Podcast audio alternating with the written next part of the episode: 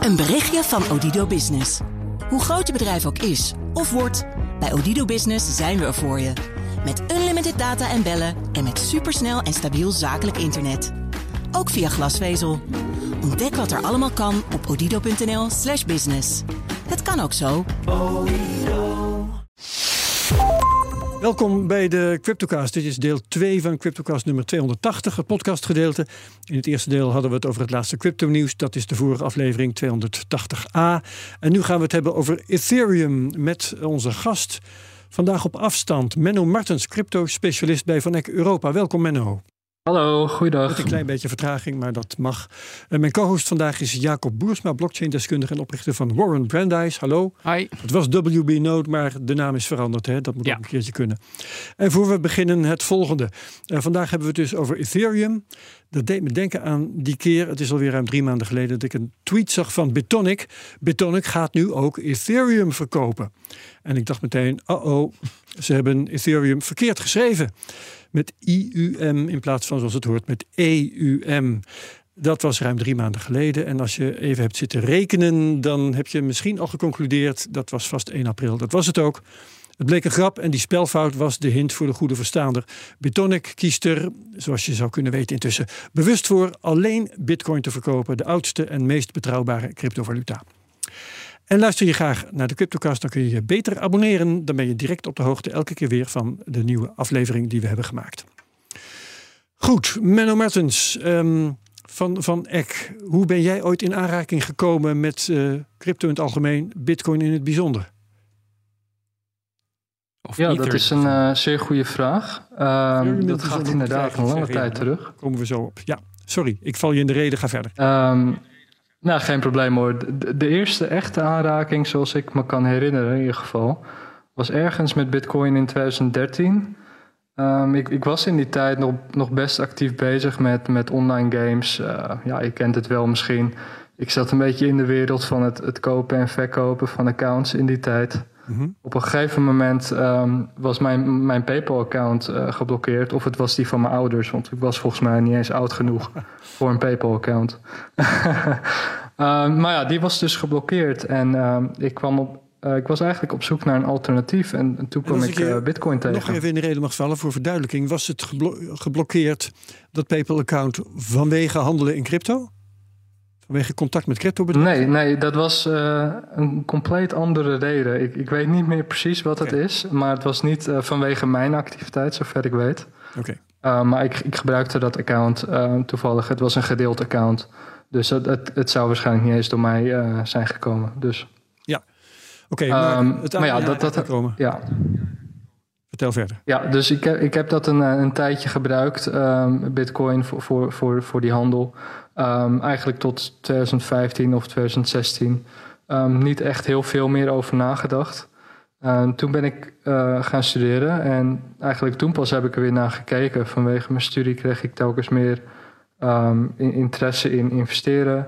En, en zo kwam ik ook weer bij, bij Bitcoin terecht als, uh, als een interessante optie om, om te investeren.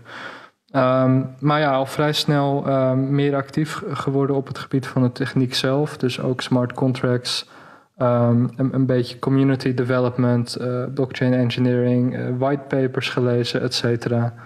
En eigenlijk met, met alle kennis uh, en ervaring die ik in, in die korte tijd heb kunnen opbouwen, ben ik begonnen bij, bij de Nederlandse Bank. eerst om mijn thesis te schrijven over het uh, modelleren van adoptie van een, een, een, digitale euro, de CBDC. Mm -hmm. En daarna um, als, als crypto-specialist uh, op de afdeling van uh, marktinfrastructuurbeleid. Um, ik werkte daar voornamelijk aan de beleidsstudies over crypto. gaf presentaties binnen, binnen DNB over crypto om het kennisniveau wat te verhogen. En uh, werkte ik ook mee aan, aan projecten van, uh, van, van, van bijvoorbeeld banken of andere ja. financiële instellingen. En waarom ben je weggegaan bij DNB? Ja, um, ja hoewel ik daar met wel veel plezier heb, heb gewerkt, uh, was het simpelweg niet in lijn met, met mijn eigen waarden. Um, en dat, dat zijn dan voornamelijk de waarden die van crypto afkomstig zijn natuurlijk. Hm. Um, ik, vind, ik vind dat geld eigenlijk een publiek goed moet zijn. Waar, waar commerciële bedrijven dan wel niet decentrale protocollen voor moeten kunnen concurreren. In plaats van dat het geld maken alleen het recht is van bijvoorbeeld een centrale bank. Ehm, helaas was, was er binnen zo'n centrale bank gewoon te veel weerstand tegen crypto als vorm van geld of digitaal eigendom. Ehm, terwijl de voordelen van, van blockchain en de onderliggende technologieën meestal best wel goed werden begrepen. Ja. zelf wilde ik eigenlijk naast de, de techniek ook de cryptomarkt beter begrijpen. En uh, op, die, op die manier vond ik Van Eck. Uh, ja, een globale asset manager, die, uh, die ik zelf als een leider uh, aan het front van de cryptomarkt en innovatie beschouw. Ja, want Van Eck was er in verschillende opzichten goed, vroeg bij, hè, bij de, de cryptomarkt. Wat, wat doe jij nu als crypto-specialist bij Van Eck? Ja, mijn dagen zijn echt ongelooflijk uh, gevarieerd. Ik heb eigenlijk twee hoofdrollen. Um, crypto-specialist, wat in feite betekent dat, dat ik gewoon het, het operationele team of het managementteam raadplegen over alles wat er met crypto te maken heeft. Dit kan zijn uh, het rapporteren van gebeurtenissen op de cryptomarkt. Uh, bijvoorbeeld toen FTX naar beneden ging. Of het beoordelen van, van procedures van uh, crypto-transfers. Uh, dus echt meer het operationele werk. Spannendere projecten zijn waar Van, van, van Eck aan werkt, is bijvoorbeeld, we zijn heel erg actief op het gebied van tokenisatie. En ergens in de nabije toekomst van plan iets te lanceren in dat gebied. De tweede rol is product management. Dit gaat echt meer over het beheren van, van de crypto-ETN's ETN's zelf. Ja, uh, je noemt de afkorting ETN's. We hebben een tijd geleden uh, Martijn Rozemuller van Van Eck in onze podcast gehad. Uh, eh, ETN's zijn Exchange Traded Notes. Hè. Dat is een product dat lijkt op de ETF's, de Exchange Traded Funds. Waar BlackRock nou een aanvraag voor heeft gedaan. ja. leg nog even het verschil uit als je, als je wilt. Ja, ja in, in mijn optiek zijn de crypto-ETN's echt de manier om, om met gemak veiligheid uh, en vertrouwen te investeren in, in cryptocurrencies zoals Bitcoin en Ethereum. Uh, de ETN's zijn beschikbaar op, op traditionele platformen, uh, zoals banken, brokers, maar ook bijvoorbeeld iets zoals de Giro. net als ETF's worden ze verhandeld op bijvoorbeeld Euronext, Amsterdam, Parijs, etc. in Duitsland of SIX in Zwitserland. Dus een belegger hoeft eigenlijk geen account aan te maken bij een cryptobeurs. Uh, geen gedoe met wallets of private keys. Geen risico met staking of uh, het uitlenen van, uh, van het onderliggende. En je kan in, eigenlijk in één transactie exposure krijgen op een, nou, een best zorgvuldig geselecteerd mandje van, van crypto assets. En het, is, het is gewoon een hele makkelijke manier om, om toch toegang te krijgen tot die, tot die markt. Ja, en uh, boordevol regulering ook. Hè, dus met uh, meer dan genoeg zekerheden voor uh, degene die die dingen koopt. Ja, precies. Ja. Volledig binnen de gereguleerde de markt. En het wordt natuurlijk opgeslagen in cold storage met echt state-of-the-art cold storage technologie. Dus ook daar hoeft een, eh, een, een klant eh, geen uh, zorgen over te maken. Ja, en uh, dat gaat gewoon ook keurig netjes op en neer met, met de cryptomarkt. Hè? De, de cryptomarkt waar zo'n ETN dan op slaat, om het zo te zeggen. Ja, precies, ja. Hey, en nou heeft eh, BlackRock, of had jij een vraag? Eh, nou, ik uh, het, het, vond ik nog wel interessant omdat je zegt van die cold storage. doen jullie dan ook aan um, proof of reserves? wat je nu ziet dat, dat een veel van die exchanges nu allemaal geroepen dat ze dat, dat ze dat doen? Ja, dat, um, dat zijn we inderdaad. daar hebben we over nagedacht. Het is, het is wel een beetje een... Um, een, een ding met veiligheid ook. Want we willen niet uh, per se alle, alle, alle adressen open en bloot leggen voor het publiek. Um, maar dit is inderdaad iets waar we mee bezig zijn. Of we dit inderdaad kunnen laten zien. Um, dat de assets er zijn. Maar kijk, het zit allemaal in het gereguleerde systeem. Um, onze custodian heeft, uh, is een bank in, in Liechtenstein. Um, dus dat wordt allemaal st strikt gereguleerd. Ja, dus je kunt je afvragen of zo'n proof of reserve in, in deze context wel nodig is. Of dat dan nog nodig is, ja. Dat is een goede vraag. Precies, ja. Oké, okay, um, maar uh, BlackRock heeft dus zo'n aanvraag gedaan in Amerika voor een ETF. Nou, dat is een affaire die nu al, we hebben dat uh, in een eerdere CryptoCast gememoreerd. Dat, dat, dat sleept zich nu al tien jaar voort, sinds de eerste aanvraag van Gemini van de Winkelvosjes.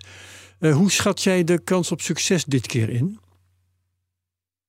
Ja, ik denk dat dit inderdaad heel goed nieuws is. Um, dit zou echt het, het, teken kunnen zijn van de, zeg maar de, de crypto supercycle en de, de massa-adoptie waar we eigenlijk allemaal op hebben, hebben gewacht. Um, als, je, als je alleen al kijkt naar, naar het aantal ETF-aanvragen van BlackRock, dat is goedgekeurd versus, versus het aantal dat is afgewezen. Ja. Hm. Dan is de kans op goedkeuring erg groot. Volgens mij is er maar één uh, eh, ETF-filing afgekeurd. En natuurlijk moet je wel uh, in gedachten houden dat de SEC misschien wel iets tegen crypto heeft. Maar dat is allemaal speculatie natuurlijk. Ja. Um, maar tegelijkertijd heeft BlackRock ook enorme politieke invloed um, die moeilijk is op te meten. Uh, die zeker een belangrijke rol speelt. Uh, we hopen natuurlijk dat onze ETF, uh, Bitcoin ETF, eerst wordt goedgekeurd. zodat wij een first mover advantage hebben. Maar ja, dat zit er waarschijnlijk helaas niet in. Er ligt er ook een van jullie Maar ik denk dat. Ja, precies. Ergens in het, in het systeem van de SEC hebben wij nog een actieve filing liggen in het papierwerk. Ja. Die ouder is dan die van BlackRock, begrijp ik dan, of niet? Klopt, ja, dat klopt. Ja, oh, dat is inderdaad spannend. Nou goed, um, dat is allemaal leuk, uh, maar we zouden het over Ethereum, over Ethereum gaan hebben, dus laten we dat nu gaan doen. Um, er is een, uh, is intussen een paar maanden geleden een analyse gepubliceerd door de Amerikaanse tak van, uh, van Eck over de, ja, de marktverwachtingen voor Ethereum. Waarom worden dit soort analyses gepubliceerd? Waarom doen jullie dat? Ja, wat we hier eigenlijk um, specifiek met dit rapport willen laten zien, is, is dat je crypto, um, behalve vanuit het, het speculatieve uh, perspectief, ook uh, vanuit een ander perspectief kan bekijken. Uh, door gebruik te maken van het idee van cashflows, revenue streams, kosten. En te weten wie van wat precies binnen het ecosysteem profiteert. Ja, ja, ja. dus en wat ze specifiek in, in blik, dit. Economisch-financiële blik op ja. geldstromen en wat verder belangrijk is. Ja, precies. Weer een zeer traditionele methodologie eigenlijk om, om, die, om de waardering van echte, echte bedrijven. Um, en deze toe, toe, te passen op, uh, op een gedecentraliseerd uh, protocol, wat natuurlijk een uitdaging is van zichzelf. Ja. Uh, maar ik denk dat, dat dit zeker een hele goede waging, poging is geweest. Ja, en uh, ja, het, het uh, haalde de cryptopers ook wel, want er kwamen interessante cijfers uit. Uh, Ethereum zou in het basisscenario in 2030 11.800 dollar waard kunnen worden. Um, ja, kun jij in het kort duidelijk maken hoe, de, hoe dat getal uit de berekeningen kwam rollen? Ja, en en waar, ik, waar ik ook wel benieuwd naar ben, waarom zo'n verre tijdshorizon? Waarom 2030? Want dat is best wel een, ja. een, een end in de toekomst. Ja, klopt. Ik weet niet precies waarom ze 2030 hebben gekozen. Ik denk dat het uh, simpelweg um, een mooi rond getal is. Uh, het is niet te ver weg. En um, ontwikkeling van, van zo'n soort complexe technologie, dat duurt nou eenmaal lang. Uh, zelf denk ik ook vaak aan een, een, meer kortere termijn. Maar uiteindelijk, als je, als je echt praat over massa-adoptie, dan praat je wel echt over lange termijn. En dan vind ik 2030 eh, niet eens een heel gek, uh, gek idee. Um, maar ja, het basisscenario, dat is eigenlijk ja, een, een, neutraal punt tussen de bull en bear uh, case. Nou, simpel gezegd, in, in, de bull case ga ervan uit dat, evenveel, dat, dat, er veel waarde terugvloeit naar, naar Ethereum zelf. Dat de vraag naar blockchain, blockspace hoog is, de groei hoog is. Het marktaandeel van nou, onder andere de andere uh, smart contract platforms hoog is. En dat, het, uh, dat de ETH supply, dus het aantal uh, beschikbare ETH, lager is. Nou, je, je, maakt al die assumpties. Ja. Um, en op basis daarvan kom je op de bull case terecht. Terwijl de bear case ga, je, ga je uit van veel lagere schattingen van de groei. de vraag naar blockspace, marktaandeel, et cetera. Ja, dat, dat en kortom, als je dus een ja, als je dus een soort van rechte lijn ertussen um, naar rechts en naar boven zou trekken, op basis van de historische groei zou je ergens op, op, dat, uh, op de base case uh, uitkomen, gegeven de schattingen die in het rapport worden gemaakt. Ja, en dan valt me één ding op in wat je zegt. Je zegt uh, die, die bull case, dan ga je ervan uit dat ook bij de concurrerende platforms het succes groot is. Hè? Ik weet niet meer precies hoe je het zei, maar daar kwam het geloof ik op neer. Um, ik, ik, terwijl ik eigenlijk verwachtte dat je zou gaan zeggen van nou, Ethereum zal juist een extra uh, bullish ontwikkelingen doormaken als die andere platforms verdwijnen.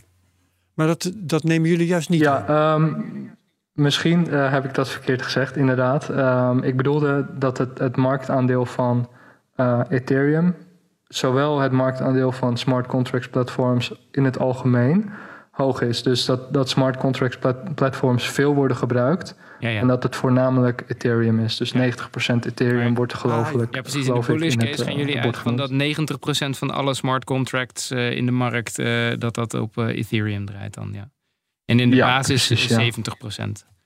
Ik weet eigenlijk niet wat het nu is, inderdaad. maar dat denk ik ook heel moeilijk te meten. Het is nu, lijkt mij boven de 50, maar misschien weet jij dat uit je hoofd, Menno, wat nu het marktaandeel van Ethereum is onder smart contract um, platforms? Ik geloof dat het inderdaad boven de 50 is op dit moment. Ja, maar je weet het niet precies. Als je kijkt naar activiteit, dat hangt vanaf naar welke metric je precies, kijkt ja. uiteindelijk. Ja. ja. je kunt naar activiteit kijken, je kunt naar uh, de, de, de waarde kijken. Je, maar uh, het hangt er ook vanaf of je private uh, instanties van Ethereum natuurlijk meerekent, waar heel veel bedrijven mee aan het mhm. experimenteren zijn. Daar zit natuurlijk heel veel activiteit, Precies, maar dat is allemaal niet open. Nee, oké. Dit is dan gedaan door de Amerikaanse tak van, van ECK. Um, is er veel verschil tussen die Amerikaanse tak en de Europese tak? Weet ik veel. In uh, houding tegenover crypto of in uh, wat ze mogen of hun belangstelling. Wat weet je daarvan? Um, ja, ondanks het feit dat, dat we wereldwijd echt een team zijn op het gebied van crypto, hebben we wel echt uh, verschillende producten en diensten beschikbaar aan de Europese kant. Hier, hier in Europa ja, richten we ons echt voornamelijk op onze ETN's. Terwijl ze in de, in de VS uh, eh, verschillende ehm, actief beheerde private fondsen en ETF's hebben. Dus uh, qua uh, wat we hier mogen versus wat, wat ze in de VS mogen, er zitten wel degelijk echt verschillen. Daarom staat dit rapport eigenlijk ook niet op de Europese website. Aha. wel even goed, om dat, even goed om dat te noemen. Ja, we gaan... Ze vragen ook uit welk land je komt voordat je, voordat je bij het rapport komt. Ja, want uh, wij, wij, maken lekker toch een link naar dat rapport bij onze show notes. Want het is gewoon te vinden ook voor Europeanen. Hè? jullie hebben een soort aandelenanalyse nu. Jullie, ik moet zeggen, die Amerikaanse tak. Dus van Van Eck heeft een soort uh, traditionele aandelenanalyse op het uh, Ethereum losgelaten. Terwijl dat een decentraal protocol is. Dus eigenlijk een heel ander ding. Het gaat over omzet en het gaat over geldstromen en, en, en opbrengsten en zo. Um, past dat wel bij wat Ethereum is?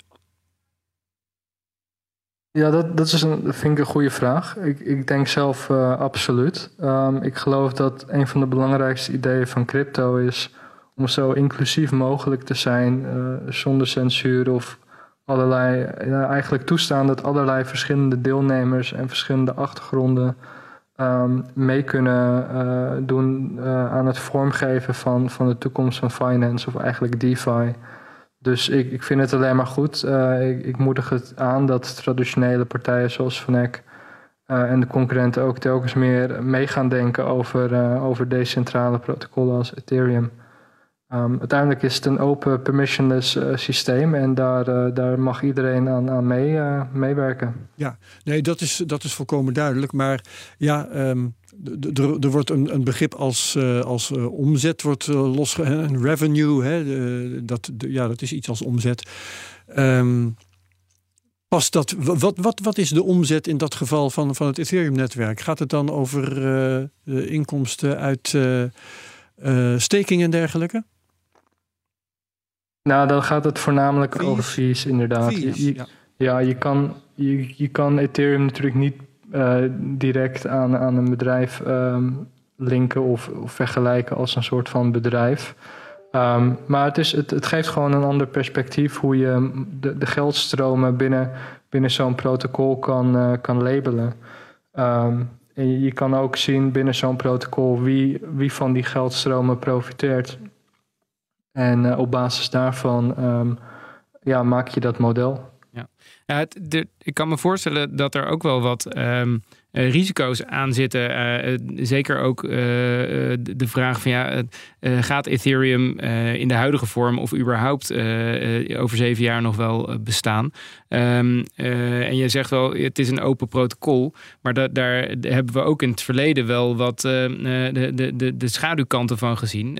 ik, ik, denk bijvoorbeeld aan het. Um, nou, nou ben ik spontaan de naam kwijt van die, uh, van die mixing service, die uh, Tornado Cash. Tornado Cash, ja. Tornado, Cash, uh, dat is natuurlijk een, een, ultiem voorbeeld van de, de, je kunt zeggen dat is een unique selling point van, van zo'n open netwerk, dat je dat soort dingen erop kunt bouwen. Maar dat is typisch ook iets waar, waar regulators heel erg op aanslaan. Ja, klopt. Dat, dat merkte ik ook in, in mijn tijd bij, bij een DNB. Um, dat dit eigenlijk de de belangrijkste argumenten waren tegen crypto. Dat, uh, dat dit soort applicaties kunnen bestaan en uh, beheerd kunnen worden door uh, anonieme personen. Um, het maakt het natuurlijk wel echt veel makkelijker om zo'n applicatie te gebruiken. Um, versus iets wat, wat op zeg maar, de traditionele internet op een website bestaat. -hmm. Dus dat is wel inderdaad een schaduwkant waar we als community, eh, crypto community, over moeten nadenken hoe we dit kunnen um, nou, verminderen of kunnen beheersen, voorkomen. Dat, dat dit soort uh, ja, beheersen. Kijk, helemaal voorkomen gaat het gaat waarschijnlijk niet lukken. Um, maar we kunnen wel ervoor zorgen dat, dat dit soort activiteiten um, niet, uh, ja, niet uh, massaal worden gebruikt. Ja, nou ja, je wil eigenlijk het liefst natuurlijk een soort onderscheid maken tussen uh, legitieme uh, redenen om, om anonimiteit te, te hebben en, en, en ja, meer illegale redenen. Um, denk je dat daar ook um, wet en regelgeving een rol speelt? in Europa en zeker ook in Amerika wordt er natuurlijk hard gewerkt aan allerlei regulations rondom crypto. Ja, ik, ik denk dat daar zeker wel uh, een rol speelt voor, voor regulation. Um, we kijken natuurlijk heel veel naar Mika nu. Uh, ja. Daar spreken ze nog niet heel veel over DeFi. Dat, dat, dat is ook out of scope, geloof ik. Ja. Uh, maar dat zal zeker in, in het vervolg van Mika, in Mika 2, komen te staan. Um, over privacy en DeFi en het gebruik daarvan. Um, wie dat wel of niet mag. Dus ik, ik ben zeer benieuwd. Dit is juist, dit is juist de grootste uitdaging van crypto. Um, dus ik ben zeer benieuwd waar ze, met wat voor uh, regulaties uh, ze gaan komen rondom, rondom deze uh, applicaties. Ja, um, laten we eens even kijken naar, naar de verschillende eigenschappen van, van Ethereum. Hè. Um, we hadden vorig jaar de merge, de overgang van proof of work met mining en dergelijke naar proof of stake. Um, wat heeft dat voor, volgens jullie voor gevolgen gehad voor, eh, nou, ik zal maar zeggen, de waarde van het Ethereum-netwerk? Ja, wij, wij hadden eigenlijk altijd wel echt een long-term um, gedachte voor Ethereum. Um, we zagen Ethereum altijd wel met, met proof-of-stake uh, algoritme voor ons. Ja. Dat dat vanaf het begin uh, eigenlijk al de bedoeling was. Dat is waar. Ja, en op die, op, eerder, ja. op, die manier hebben we het ook al, al, al voor, zeg maar, proof of stake bekeken. Van ja, dit, dit wordt op een gegeven moment een proof of stake project. En uh, wat, wat er nu is, dat, dat doet er niet heel veel toe. Het is een soort van uh, tussenstap. Um, en de overgang heeft ons, onze kijk op, op Ethereum niet heel erg veel veranderd. We kijken. Nou, omdat we er eigenlijk al rekening mee, mee hielden dat, dat, dat dat zou gaan gebeuren. En uh, sinds de overgang geloven we juist dat, dat het alleen maar gunstig is geweest voor het project. Uh, en, en, en, het ecosysteem en de gemeenschap. Dus dat, uh, die, die trend zien we zeker, zeker doorgaan. Ja. Heb, je, heb je niet het idee dat, er ook een, dat het meer centralisatie heeft veroorzaakt? De, de, de proof-of-stake beweging? Um, het heeft wel een, een, een, nieuwe vorm van centralisatie aangenomen, ja. Um, maar ik denk wel dat, dat centralisatie um, binnen Proof of Stake, dat, dat is mijn persoonlijke mening, uh, dat het moeilijker is dan in een, een Proof of Stake omgeving, uh, Proof of Work omgeving. voornamelijk omdat in, in Proof of Work heb je een voordeel als je toegang hebt tot goedkope energie. Mhm. Terwijl in, in Proof of Stake heb je een voordeel als je toegang hebt tot, tot kapitaal. En ehm, in meerdere landen hebben mensen toegang tot kapitaal dan toegang tot goedkope energie. Tenminste, zo, zoals ik het zie hoor.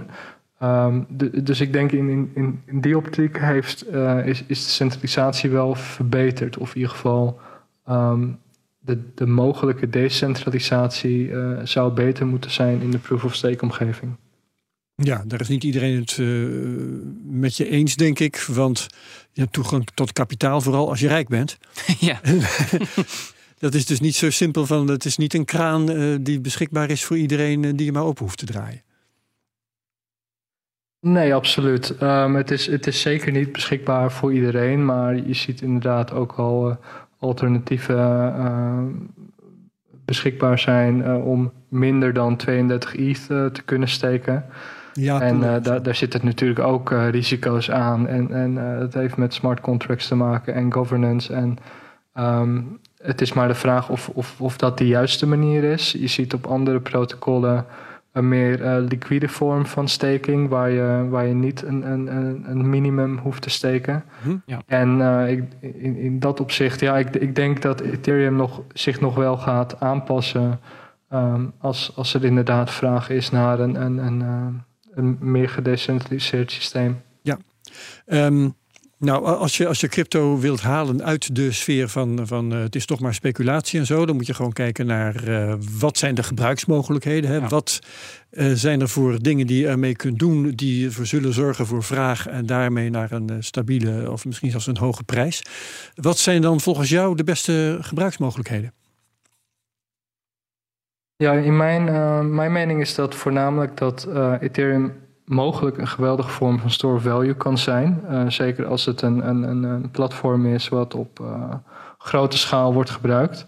Maar daarnaast zie ik ook wel trends eh, zoals tokenization. Kijk, daar zijn we zelf ook mee bezig. Dus we snappen een beetje hoe die markt zich aan het ontwikkelen, is. En dat is voornamelijk tokenization van real-world assets zoals real estate, commodities, maar ook, maar ook traditionele aandelen. Ja, ja, ja. ja. En ehm, Zoals Larry Fink zei de use case van ja, ja, precies. Ja. Dit wordt heel veel, eh, heel veel genoemd.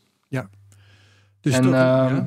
payments, eh, payments door middel van eh, stablecoins of CBDC's op, eh, op Ethereum. Dit is meer een lange termijnsgedachte.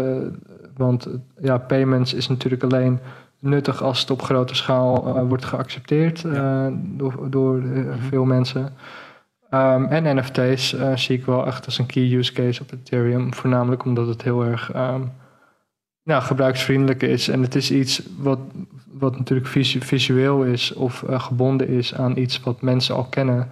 Een, een eh, collectible of, of digital art of, of een Ja, andere fysieke asset, zeg Ja, maar. ja, Ehm, dus dat zijn een beetje de drie, eh, drie use cases. Eh, dat we de drie, dus eh, tokenization, betalingen en NFT's. Ja, maar je noemde als Ja, eerste Jacob. store of value. Eh, en ik moet hem toch dan even stellen, de vraag. De, ehm, eh, Bitcoin wordt natuurlijk altijd eh, genoemd als eh, de store of value ehm, eh, cryptocurrency. Heb jij dan het idee dat, eh, dat eh, Ether daar eigenlijk beter in is? Of op de langere termijn beter in gaat worden? Ehm, i- dat, ja, dat durf ik niet te zeggen echt op lange termijn. Ik, ik denk wel dat ehm, Ethereum of ETH op Ethereum een zeer belangrijke rol gaat spelen binnen het, binnen het eigen ecosysteem. Ehm, of dat buiten het eigen, eigen ecosysteem heel veel waarde heeft, eh, dat, dat hangt af van, van zeg maar, de acceptatie ehm, van, van, van traditionele eh, partijen eh, die ETH vasthouden als een soort. Ja, eh, eh, als een soort van obligatie, zeg maar. Dat wordt ook in het rapport genoemd, Hmm. geloof Ja, het ik. rapport, eh, het de rapport van, van eh, eh, zegt specifiek: ehm, Ether will nevertheless become a store of value asset for state actors. Looking to maximize human capital. Voor landen. Ja, dus, dus eh, dat is kennelijk eh, wel. Dat, ja, goed, als het inderdaad voor landen een aantrekkelijke eh, investeringsvorm wordt, dan kan ik me ook wel voorstellen dat, dat er een hogere prijsverwachting is. Ja, ja, inderdaad. Dat kan je, dat kan je zeker uh, doortrekken, inderdaad, die lijn. Maar is, die, is die functie als store of value, is dat um, dan onafhankelijk van gebruiksmogelijkheden? Want ik zou zeggen, het, het, hè, als je, het moet waarde krijgen door gebruiksmogelijkheden, pas dan kan het ook een manier zijn om waarde op te slaan. Of uh, heb ik dat mis? Nee, dat klopt. Het, je, hebt, je hebt helemaal gelijk. Ethereum is, is alleen zoveel waard als, uh, als het gebruikt wordt. Um, maar dat heb je met elk crypto-project. Als er geen community of geen applicaties die ook daadwerkelijk gebruikt worden uh, op, opwerken, dan, uh, dan heeft het betaalsysteem, dus, uh, of het betaalmiddel in dat ecosysteem ook verder geen waarde. Ja. Dus het, het, is alleen maar zo sterk als het ecosysteem zelf is. Zeker. En dan heb ik een vraag die lijkt op de vraag die hm. Jacob net stelde. Want uh, Jacob zegt, hey, store of value, dat was bitcoin toch? Uh, en, maar jij noemt ook betalingen. En dan denk ik van ja, uh, gaat volgens Van Eck Ethereum dan een belangrijker betaalnetwerk worden dan bitcoin? Um, dat, dat zou zeker een rol kunnen, kunnen spelen. Ik, ik heb zeker een aantal uh, ontwikkelaars um, hebben zien nadenken over een soort van Lightning-netwerk uh, op, het, op het Ethereum-netwerk uh, zelf. als een soort van um, alternatief voor, voor, voor Bitcoin-payments op Lightning. om, om Ethereum ook bruikbaarder te maken als een betaalmiddel. In plaats van dat het alleen maar een, een, een transactiemiddel is om bijvoorbeeld fees te kunnen betalen of uh, tokens te kunnen, uh, token swaps te kunnen faciliteren. Ja, ja. Ja, je zou kunnen zeggen dat uh, de kracht van, van, van het Ethereum-netwerk is juist dat je er ook allerlei andere tokens bovenop kan, kan zetten, waaronder bijvoorbeeld stablecoins. en ik kan me voorstellen dat, dat ja, zeker met prijsvolatiliteit het, het altijd uh, ook wel aantrekkelijk is om een, uh, om een stablecoin te hebben, juist voor die betalingen. Ja, uiteraard. Ja. Het, is, het, is zeker, um, het is zeker, het geeft veel waarde aan, aan Ethereum zelf dat, dat stablecoins aanwezig zijn op het netwerk. Uh, want je ziet inderdaad dat veel gebruikers veel tussen Ethereum en, en stablecoins wisselen. Um, juist wanneer de markt eh, volatiel is, dan, dan zie je dat veel meer um, gebruikers toch liever in de stablecoins uh, zitten. En dat is ook uh, uiteindelijk uh, voordelig voor, voor Ethereum zelf, omdat de fees natuurlijk, die worden allemaal betaald in, in Ethereum. Ja. ja. Dus even kijken. een, een onderwerp dat een paar keer langskomt in het rapport is security as a service. Wat wordt daarmee bedoeld in de context van Ethereum? Ja, dit is um, gerelateerd, gerelateerd aan, het, aan het toepassen van Ethereum's beveiliging, consensus en, transactievalidatie voor ja, meer dan alleen uh, transacties binnen het eigen ecosysteem, voor bijvoorbeeld tokens of Ethereum of stablecoins. Maar ook voor andere acties, voor, zoals het beveiligen van transacties buiten het Ethereum-ecosysteem. En toevallig heeft Vitalik hier laatst een uh, best wel uh, mooi artikel over geschreven. Dat, dat heet uh, Don't Overload Ethereum's Consensus. Mm -hmm. Waarin hij uitlegt hoe je Ethereum's consensus wel of niet zou moeten willen gebruiken. En wat voor schade het kan aanrichten als je eigenlijk te veel gewicht op zo'n transactie legt. Dus als de, de, um, de waarde van zo'n transactie veel hoger is dan zeg maar de waarde binnen het ecosysteem zelf, dan, dan is er een best wel hoog incentive voor bijvoorbeeld uh, Ethereum validators om ervoor te zorgen dat uh, een bepaalde transactie juist wel of niet um, zou moeten, geaccepteerd zou moeten worden. En dat zorgt weer voor fork splits en heel veel gedoe binnen, binnen het netwerk. En dit wil je natuurlijk voorkomen. Dat, dat zulke dingen gebeuren. Dus hierin, uh, ik, ik, raad het zeker aan om dit te lezen. Het is echt heel interessant. Ja. Um, het geeft een goed beeld van, um, van inderdaad security as a service, hoe je, hoe je dat kan gebruiken. En wat voor waarde het kan geven voor, uh, voor applicaties buiten Ethereum zelf. Ja, oké. Okay. Um, Jacob, heb jij nog, want ik heb, ik heb nog een vraag over Bitcoin, maar heb jij nog vraag, voordat we daar naartoe gaan, nog vragen over Ethereum?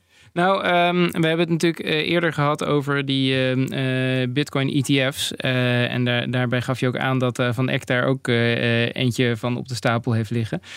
maar gezien de, de bullishness over, over de Ether-ontwikkelingen, verwacht je ook dat, dat we daar meer in gaan zien? Dat er ook Ether-ETF's aanvragen gaan komen? Uh, Jazeker, ik kan er niet heel veel over zeggen, maar ik verwacht zeker uh, dat uh, ook op Ethereum ehm, misschien zodra de Bitcoin ETF's worden goedgekeurd, dat een Ethereum variant zeker gaat volgen. Daar ben ik wel van overtuigd. Is er dan nog ehm, eh, meer een risico dat dat, dat dat minder wordt gezien als een commodity? Of uh, denk je dat uh, Ether en, um, en Bitcoin wel echt duidelijk allebei in dat commodity definitie mandje vallen? Ik, ik denk zelf dat ze binnen het commodity mandje vallen. Kijk, als je naar MiCA-regulering kijkt hier in Europa, dan vallen zowel Bitcoin en Ethereum en ook een heleboel andere cryptocurrencies buiten buiten de regulering. Um, en ik hoop ook dat, dat de rest van de wereld dat een beetje gaat volgen. En dan zie je wel dat um, een groot, uh, groot deel van die, um, van die cryptocurrencies gewoon commodities zijn. Uh, ten opzichte van een, een, een aandeel bijvoorbeeld. Het feit dat er, dat er ooit in, het, in den beginnen een, eh, een, een crowd sale is geweest van, van Ether, die, dat doet daar dan niks aan af. Oh, dat weet ik niet. Dat, uh, dat is aan de, de regulators om te beslissen of dat wel of niet een rol speelt. Ik vind zelf dat ze, dat ze een beetje een open mind moeten hebben en um, niet oude regels moeten toepassen op een nieuw systeem. Dat, dat werkt niet. Nee, dat, de, daarom moet er ook uh, in, ja, duidelijk nieuwe regels komen. Uh, work in progress. Ja. Ja, ja, ja. Uh, heb ik ook nog wel een paar vragen trouwens, omdat uh, je triggert me, Jacob, want jij zegt, uh, ja, jullie, die bullish voorspellingen, of die bullish, nee, het is niet een voorspelling, hè, maar het is een soort scenario. scenario. dat is het beste woord. Um, is dat eigenlijk wel zo bullish? Ik vraag eerst even aan jou, Jacob, omdat jij het bullish noemt. um, het komt namelijk neer ten opzichte van de prijs van nu op een verzesvoudiging in zeven jaar. Terwijl wat we in Bitcoin toch eh, jarenlang hebben gezien, was eh, een vertienvoudiging steeds in acht jaar zo'n beetje. Ja, is ten dus opzichte van de afgelopen acht jaar is het, is het inderdaad helemaal niet zo'n eh, enorme stijging eigenlijk. Nee, nee. Dat, dat, is, dat is wel een feitelijk uh, waar, ja. Uh, het, het, het, hangt er ook wel een beetje van af hoe, uh, hoe de hoeveelheid ether zich gaat ontwikkelen in de komende Ja, het hangt van heel veel dingen af. het hangt van ontzettend veel dingen af. Um, dus, dus ja, de, de, um, maar wat ik er bullish aan vind, is in ieder geval dat je een uitspraak doet uh, van nou over zeven jaar bestaat dit nog en het uh, gaat ja. uh, groot gebruikt blijven worden.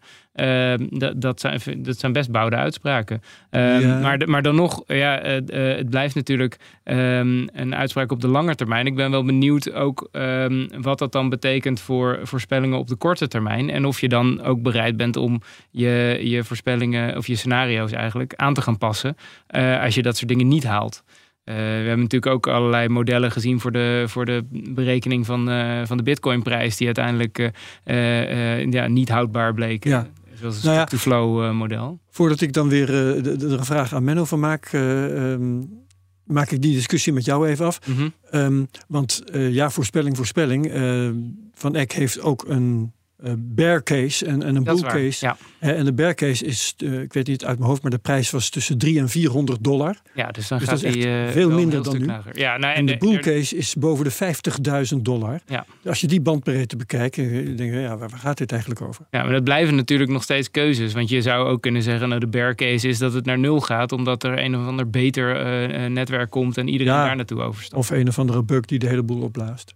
Ja. Maar goed, dus, dus vraag aan Menno. Um, er is een, de, de, bandbreedte tussen bearcase en bullcase is zo verschrikkelijk groot.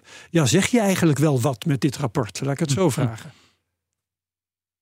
Ja, dat is een goede vraag inderdaad. Je, je, zegt ten eerste, of de aanname die ze maken is dat, um, dat Ethereum een, een best groot uh, marktaandeel van alle smart contract platforms um, krijgt. En je zegt ook dat, dat smart contracts op lange termijn gebruikt gaan worden. Dus die, die twee aannames zijn wel echt heel belangrijk. met een bepaalde uh, voor dit model.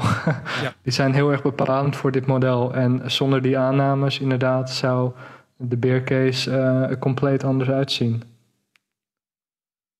Uh, dat begrijp ik niet helemaal, want uh, de bear case is nou juist dat die aannames niet zo erg bewaarheid worden. Nou, maar zelfs in de bear case ga je ervan uit dat 15% van, alle, de, van het marktaandeel van alle smart contracts nog steeds op Ethereum plaatsvindt. Ah ja. Als je ja, daar een nul van maakt, dan gaat waarschijnlijk ook dan de prijs naar nul. Ja, precies. Dat ja. is wat jij zegt, man. Ja. Dat begrijp ik. Ja, ja, ja. Ja, dus zelfs, De, bear, zelfs de bear case um, gaat uit van ja, toch een in, in zekere mate een zonnige toekomst, want dat Ethereum in elk geval gebruikt wordt. Ja, precies. Ja. En op zich is dat ook niet gek, hè? want dat zijn ook uh, een soort economische wetmatigheden, zeg maar de Lindy-effect. Uh, iets wat al een aantal jaar bestaat, ga je ervan uit dat het nog uh, wel een aantal jaar gaat blijven bestaan. Ja. en misschien is dat ook wel trouwens de reden dat ze die 2030 hebben genomen, omdat het ongeveer net zo lang is sinds het, de start van Ethereum tot nu en dan van nu tot, tot waar je die voorspelling legt. Dat is ook een manier om tot een. Ja, ja, ja. ja. Goed. Um, nog meer over Ethereum, Jacob? Nee, van wat mij betreft uh, kunnen we dan, de volgende. Ronden we dat hiermee af. Behalve dat ik jou nog even vraag, Menno, is er iets wat, wat ik had moeten vragen? Iets wat je nog heel graag kwijt wilt over Ethereum? Oh nee hoor, ik denk, ik denk dat dit uh, meer dan voldoende is. Nee, dit ja. is, uh, was, ik denk dat het was zeer, zeer goed om, om dit rapport uh, op deze manier te bespreken. Ja, maar je bent nog niet helemaal van af. Onder de aandacht te brengen. Ja, dat hebben we dus bij deze gedaan. Maar ik wil nog wel graag van je weten, hoe zie jij de rol van Bitcoin in 2030? Of hoe ziet Van Eck dat? Je mag zelf kiezen uh, welke, de, welke van deze twee vragen je beantwoordt.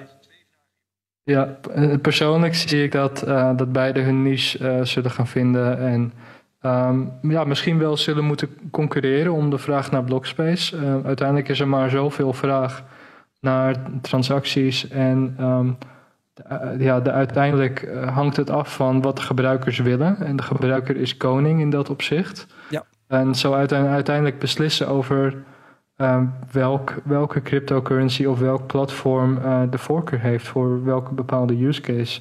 Dat is heel moeilijk te voorspellen. Je ziet ook, uh, als je kijkt naar de dotcom-bubbel, uh, was het ook heel moeilijk om te voorspellen welke, welke websites succesvol zouden gaan worden. Ja, dat is helemaal waar. En het is een beetje hetzelfde in dit geval. Het is heel moeilijk om te zeggen. Ik denk wel dat ze allebei hun rol gaan vinden. En die concurrentie voor Blockspace is, uh, is eigenlijk alleen maar gunstig. Uh, want voor de alge algehele innovatie uh, die in de cryptowereld plaatsvindt, is concurrentie heel belangrijk. Ja, helder. Goed. Um, nou, dan uh, denk ik dat we de CryptoCast uh, voor vandaag hiermee kunnen afronden. Uh, dankjewel Menno Martens van Van Eck Europa, vanuit Lissabon trouwens. Ik weet niet eens of ik dat gezegd had, waar je woont. En bedankt ook co-host Jacob Boersma van Warren Brandeis. Graag gedaan. Wij voor deze CryptoCast. Zeker, vergeet, dankjewel. Ja, Menno, dankjewel. Uh, vergeet de CryptoCast niet te delen met je volgers op Twitter. Gebruik de mention CryptoCast.nl. Trouwens, de groeten aan de kat daar in Lissabon. Um, reviews kun je achterlaten op Apple Podcasts. Andere liefhebbers kunnen ons dan beter vinden. Like, subscribe en comment op YouTube natuurlijk ook. En voor de rest hartelijk dank en heel graag tot volgende week bij de CryptoCast op BNR. Dag allemaal.